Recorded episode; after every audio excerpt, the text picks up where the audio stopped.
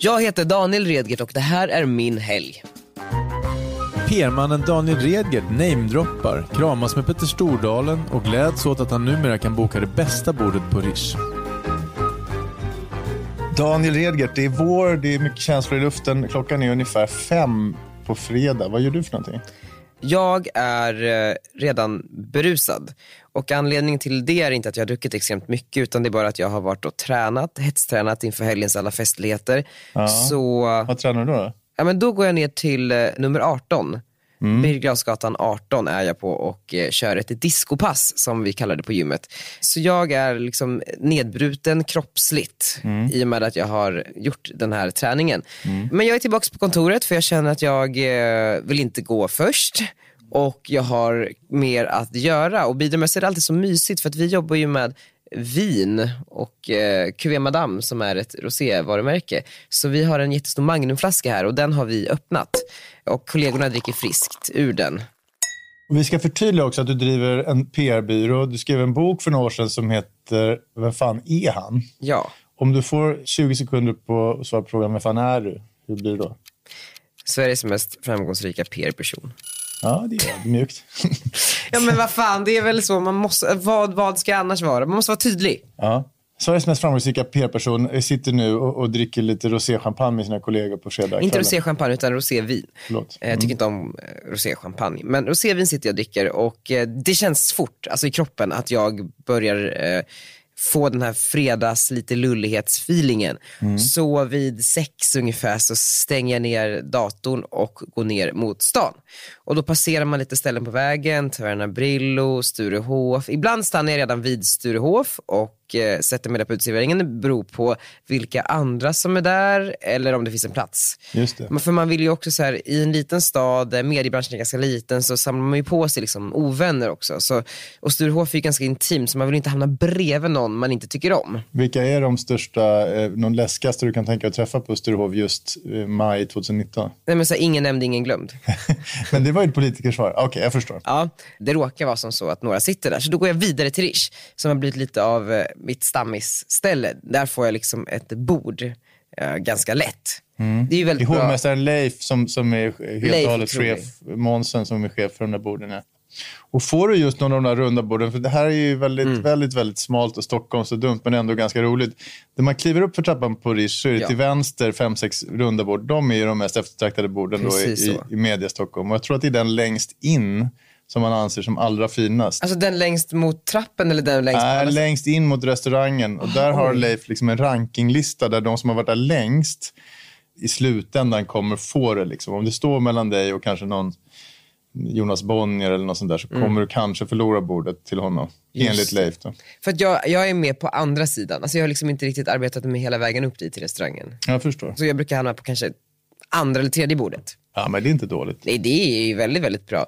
Och eh, nu så har jag bjudit över lite vänner, eller jag har väl egentligen messat alla som, eh, som jag kan tänka mig är sugen på lite eh, vin. Jag har med mig några kollegor också, som, de som är yngst kanske och som inte har ett liv utöver att jobba och eh, festa. Anita Clemens kommer förbi. Och Rasmus Blom som är redaktionschef på King kommer förbi. Lite så partners till alla, lite kollegor, någon praktikant. Och vi blir liksom ett stort gäng så snart behöver vi även ta över bordet bredvid. Och det här är lite problematiskt för snart kommer middagsgästerna. Och eh, vi vill ju fortsätta sitta där, vi vill inte bli förflyttade till lilla baren utan vi vill sitta på vårt ställe. Så eh, någon som jobbar där är så vänlig att eh, flytta på de som precis har satt sig bredvid. För att vi då ska kunna utöka till två bord. Men till slut så blir det ohållbart och vi måste börja titta på, eller vi måste börja tänka på refrängen.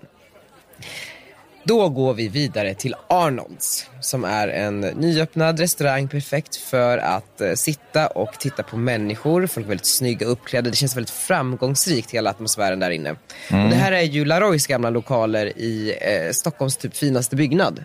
Men då kommer vi till Arnolds och det är, ja men som sagt, det, jag tycker att den är internationell, lite New York-känsla. Det finns få bord och det finns oftast väldigt mycket så här duktiga, framgångsrika människor som har presterat och byggt kanske ett företag som man stöter in i och det tycker jag är inspirerande som företagare själv.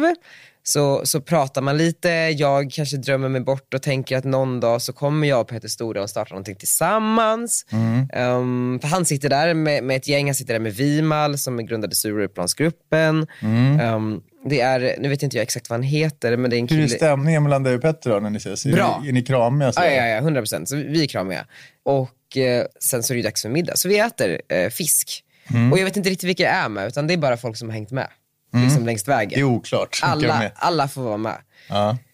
Men eh, vi äter och sen så är man lite så här, jag börjar bli lite trött. Alltså man är ju inte sh- vad är, Ut- ja. Utan man är, vad är man? Man är 27. Man är 27. Inte lastgammalt ändå. Nej, inte lastgammalt, men man har varit med ett tag. Och sen så måste man ju spara på energin. De här liksom, riktiga utekvällarna vill man ju framförallt ha utomlands. Där man har chans att så här, stöta på roliga, excentriska människor. Um, så jag kanske, jag väljer nog till och med att tacka för mig vid midnattssnåret Mm. och promenerar hem. Och det är lördag morgon och vad ska du göra? Mm. Varje lördag 10.30 så är det ett pass på gymmet, eller gymmet cykelstudion Urban Ride som ligger vid Odenplan. Och de har då tagit konceptet Soul Cycle som är väldigt, väldigt stort i USA. Vilket egentligen är spinning med lite hantlar, lite roliga rörelser, inslag. Det är liksom fartfyllt, Hög musik va? hög musik och det är alltid den här kom igen tjejer-stämningen, säger jag den enda killen där. Men det är... eh, Alltså man, man, Det är Soulcycle rent konkret, det är det man gör på Urban Ja, det finns med, med modifikation. Men det är väldigt så här snyggt och bra och kul. Det finns ingenting som liksom tar upp pulsen så högt som Urban Rider. Jag mår väldigt bra när jag har gjort det. Går dit, 45 minuter, cykel, bränner väl 1000 kalorier så man kan dricka 1000 kalorier senare Bra. på dagen. En bra start på lördagen helt enkelt. Ja, verkligen. Går hem, duschar, funderar på vem som kan tänkas liksom vara ute, ute på stan. Det finaste på lördagar är ju någonstans att gå ner, vara lite piffig och sätta sig någonstans och ha liksom en, en vindag eller en vinlunch eller en vin... Alltså förstår du vad jag menar? Mm, mm. Så jag promenerar Birger Jarlsgatan ner, tittar på människor, känner mig lite som Emilia Deporé. Ja, lyxig då? Ja, men du vet, jag är lite lyxig ändå. Jag, jag har duschat. Det är ju inte som back in the days när man vaknade upp liksom vid 11, promenerade till den lokala pizzerian, köpte en pizza med räkor och extra ost, champinjoner. Du har helt enkelt tagit det någonstans. Om jag får flika in emellan Mm. om du får liksom eh, ranka ditt liv just nu, eller betygsätt liksom, eh, hur du mår våren 2019 mellan 1 till 10. Vad, vad ger du själv för siffra? Jag mår väldigt bra, men det är ju inget nytt. Jag har i liksom allting alltid mått väldigt bra. Jag, jag tycker det är kul. Det är som att jag liksom och spelar ett, datorspel som, som bara liksom, det är inte så allvarligt någonting. Men ändå så går det framåt. Så du är uppe på 9 helt enkelt? Ja, Jag är nog en tia. Det är klart att man har ups and downs, men eh, det är ju li- egentligen, det, det, allt har sin skärm. Det är kul att, att eh, vakna upp på en madrass, äta en pizza, börja dricka bag-in-box igen och sen så köa till Spybar. Det, det är väldigt, väldigt roligt och precis lika roligt som det är att så här, kindpussa Emilia Deporé på Milles. Alltså, det, Ditt har tagit dig nu. det är bara två olika saker. Ja, jag förstår. Eh, Och nu är det lördag och du ska ha en Emilia på rätt dag helt enkelt. Ja, ja, men jag tror det. Det börjar ju ofta som en Emilia Deporé-dag. Eh, sen så eh, kanske den spårar och blir lite mer av en Anita Clemens-dag. Vad är skillnaden då, för någon som inte är helt insatt i, i differensen där? Emilia, då är det ju lugnt och städat och harmoniskt och sådär. Jag tror inte det blir för mycket. Anita, det är ju mer kär. Hon är på något mode där hon, eh, hon känner för att skjuta ut sig själv. Det beställs in shots liksom tidigt, mitt på blanka dagen. Så, så det visar sig att jag, jag, är kanske, jag, jag är på väg ner mot stan för att träffa upp Anita. Just. Just det. Och för att liksom summera så är det, hennes dag är kanske lite mer okontrollerad. Låter det Ja, som. och du vet det kanske blir så att vi står på en klubb sen. Alltså så. Ja, men berätta, du ska träffa Anita. Vad ska ni göra? Vi ses nog på Rish igen. Det är en trevlig stämning och sitter och fnissar lite över hur det kan vara som där. Kanske skvalla lite. Eh, vad som händer liksom i, i mediesvängen. Men sen så när det börjar lida sig mot sitt slut under den här Rish-lunchen så börjar jag känna mig som en, en mörk människa. Mhm, för att... Jag bryr mig inte om det här så mycket. Alltså, jättekul, men det är inte det här jag vill göra resten av livet. Mitt liv handlar om att så här, vara ute på en spännande äventyrlig resa där saker går åt helvete, där saker går bra. Jag har aldrig eftersträvat att sitta säkert på Rish och kindpussa människor. För att sen kanske få gå på Sofie Farmans 40-årsfest. Så då, liksom, då, då blir jag lite existentiell kanske här efter Rish och eh, bestämmer mig kanske för att gå hem. Mm. Köper med mig en bok på vägen. Mm. Jag har en ny grej för, jag har, jag har haft en grej för självhjälpsböcker. Inte för att jag behövt dem, men jag, jag har gillat den här Oprah-mentaliteten. Vilken är den allra bästa?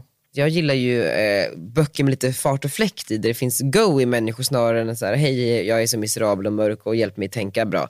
Jag vill ju mer ha, jag läste Philip Knight här som är Nikes grundare, hans självbiografi. Och, Vad är det du gillar med den då? Men, det är så sjuka hinder han liksom har längs vägen. Han blir typ stämd av USA. Alla hans savings försvinner i ett skepp som sjunker med skor på väg från Japan till USA som han har importerat. Alltså vet, det är stora saker, man ställer sig på hästen igen och bara kör. Det är inga konstigheter. Mm. Medan man liksom slår på en podd i Sverige och lyssnar på så här, en medieentreprenör, inklusive mig själv, liksom fjuttiga små resor där man säger åh nej, vi förlorade en anställd. Man bara, men buhu. Alltså, så här, det är så man bygger ett företag. Och det får Philip Knight mig, alltså han, han får mig att förlika mig med att, att jag är töntig och att allt runt omkring mig är töntigt och att det kan bli större och bättre. Och att det finns faktiska hinder och prövningar mm. för liksom, företagare. Sådär. Sen så när jag har läst boken, då är klockan ganska mycket ändå. Mm. Så jag somnar med boken på magen. På söndagen så har jag i vanlig ordning en brunch med mina Västeråsvänner. Mm. Som blir så arga för att jag kallar dem Västeråsvänner när de har bott i Stockholm typ Du är från Västerås? Jag är från Västerås, mm. precis. Det här är mitt gamla crew, liksom, mina äldsta liksom, bästisar som, som har känt mig sedan jag gick i trean, alltså i lågstadiet. Då. Mm. Isabella Löwengrip kommer in här mm. på Kalen Grail. Nej, Kalen Crail som det heter. På Roslagsgatan i Stockholm va? Precis, det är liksom ett, ett, ett, ett nyttigt ställe. Mm. Men jag inser att allting är typ dränkt i dressing så det kanske inte är så nyttigt i alla fall. Men det är väldigt, väldigt gott. Mm. Isabella Löwengrip kommer in. Ja, hon kommer in. Hon har också fått upp ögonen för det här stället. Mm. Och beställer en, en sallad. Och eh, vi stöter på varandra här i, i kassan där jag står med min kompis Emma. Och eh, vi har precis beställt också. Medan de andra två vännerna, för vi är fyra i Västeråsgänget, sitter och har tagit plats. Då så presenterar jag Isabella för Emma och jag inser ju att genast att eh, intresset för Emma är lika med noll. Eh, och jag presenterar henne, i och med att jag presenterar henne som min, här är min Västeråskompis Emma. Medan Emma har bott liksom fyra år i Paris och hon har jobbat på Handelskammaren. Hon pratar liksom typ fem språk flytande. Alltså väldigt duktig. Men, Men jag förminskar henne någonstans. Dålig införsäljning till Isabella Löwengrip helt enkelt så att hon inte brydde sig. Precis, så det fanns mm. ingenting där för henne att hämta. Så jag inser ju att nej, men det här var ju inte kul för någon. Det är inte kul för Emma heller att, att hälsa på någon som inte bryr sig om henne. Jag förstår. Och om jag, om jag får vara din hobbypsykolog då. Varför tror du att du presenterar dem som dina Västeråskompisar? För att i och med att många tror att jag typ inte har några riktiga vänner så kanske jag bara vill hävda, nej men jag har faktiskt riktiga vänner som jag har känt väldigt länge. Ja, du vill visa dig lite autentisk och inte liksom för flyktig sådär. Jag har fler vänner än liksom Anita och Emilia Deporé. Och när ni umgås då, är det liksom tillbaka till de gamla rollerna, de som ni var i Västerås? Eller är du liksom Sveriges framgångsrikaste PR-människa då när du träffar dem? Jo, men jag är det, men de kan ju verkligen ta det med en nypa salt och säga håll käften. Alltså, så, de bryr sig inte så mycket? Nej, verkligen inte. Och de har ju också fet jobb så här, som managementkonsulter och jobbar på Handelskammaren. Så det är ju inte så att de blev eh, nobodies. De är väldigt duktiga allihopa. Så mina vänner är lite trötta på när jag, när jag liksom framställer dem som att de har bott i Västerås och typ varit sjukskrivna de senaste tio åren.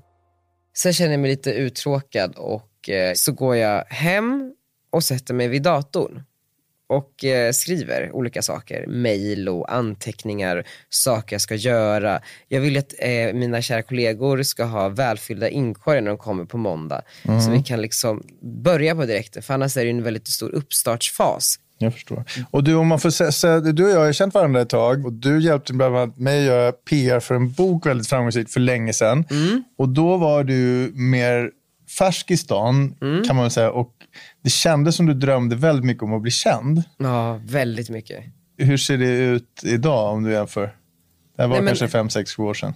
Det enda jag ville när jag flyttade till Stockholm var att bli känd. alltså det var så här, det spelar ingen roll. Jo, det spelar roll. Vägen dit spelade visst roll. Annars hade jag kunnat vara med i Paradise Hotel eller någonting.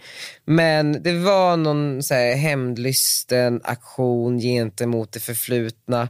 Men det är så långt ifrån allting jag vill idag så det är så, det är så svårt. Det, det är liksom med illamående jag typ pratar om det.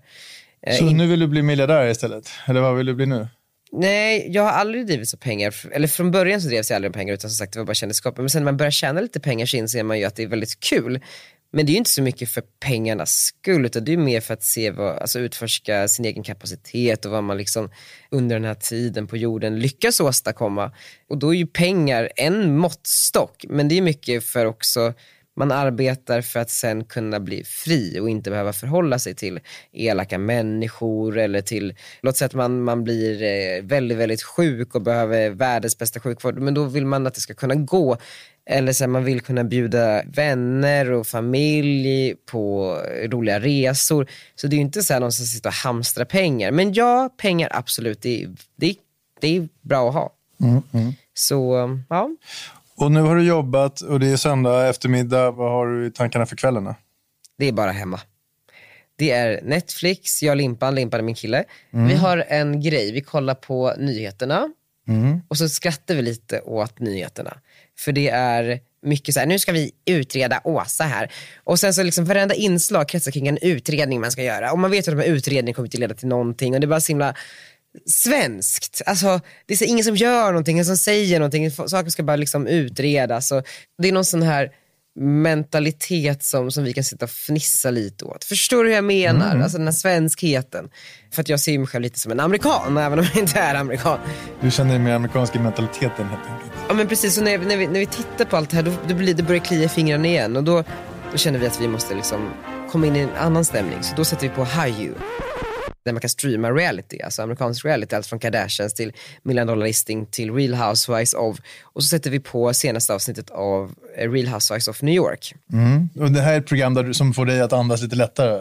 Men det, det får mig att andas lite lättare, men också se möjligheterna. För då inser jag, alla de här, Sonja Morgan som är då för detta JP Morgan, liksom, ehm, gift i den ingift i den familjen, som skiljer sig från sin man. Och du vet, de har gått från toppen till någonstans botten. De måste sälja sina townhouses, men de är fortfarande så här rikskända, eller riks, de är eh, internationellt. Alltså min mamma vet vem, vem Ramona Singer är i Real Houses of New York. Så jag bara, kan man inte göra någonting med de här? Liksom? Alltså, de har ju otroliga kontaktnät i och med att de känner ju liksom New Yorks liksom, New York-klicken eh, bra eftersom att de är eh, en del av den. De har jättestora following men de lyckas liksom inte förvalta det här influensskapet som de ändå har. För att USA och England och är ju mycket liksom efter oss när det kommer till influencer marketing. Och de har liksom inte, varför har eh, Luan och Ramona inte en podd? Alltså så, den här pratpodden, folk gaggar om livet, Det relationer. och- väcks tankar i ditt huvud medan du sitter på det här. Precis, jag får så mycket inspiration av det här. Så jag väljer ju att eh, lämna soffan för datorn. Och så författar jag ett mail till Ramona Singer i Real Houses of New York. Berättar om mig och vår vision och vad vi skulle vilja göra med henne. Hon borde starta en podd och liksom skickar iväg det här. Får svar fem minuter senare. Oj, vad skriver hon nu? Eh, hon skriver “This sounds really interesting, let's meet next time in New York, please call me then” eh, och sen ett nummer. Ramona Singer. Det är svårt att somna när jag lägger mig den kvällen. Ja, jag fattar. Vilken fin avslutning. Och när du liksom ändå har svårt att sova och ligger där och tänker på hur du ska ta över världen och så tittar du tillbaka på din helg. Vad var den absoluta höjdpunkten? Det var ju insikten jag hade en timme sedan. Allt är möjligt. Ja. Ehm, och jag inser att ja, det är väldigt kul det jag gör ju just nu och, och så jag lever och att man får ett bra bord på Rish. Men det är ingenting. Det finns större fiskar att fiska upp ur fiskdammen. Jag som ställde frågorna heter Hugo Renberg och producent var Emil Drugge. Gå gärna in i din podcastapp och betygsätt och prenumerera.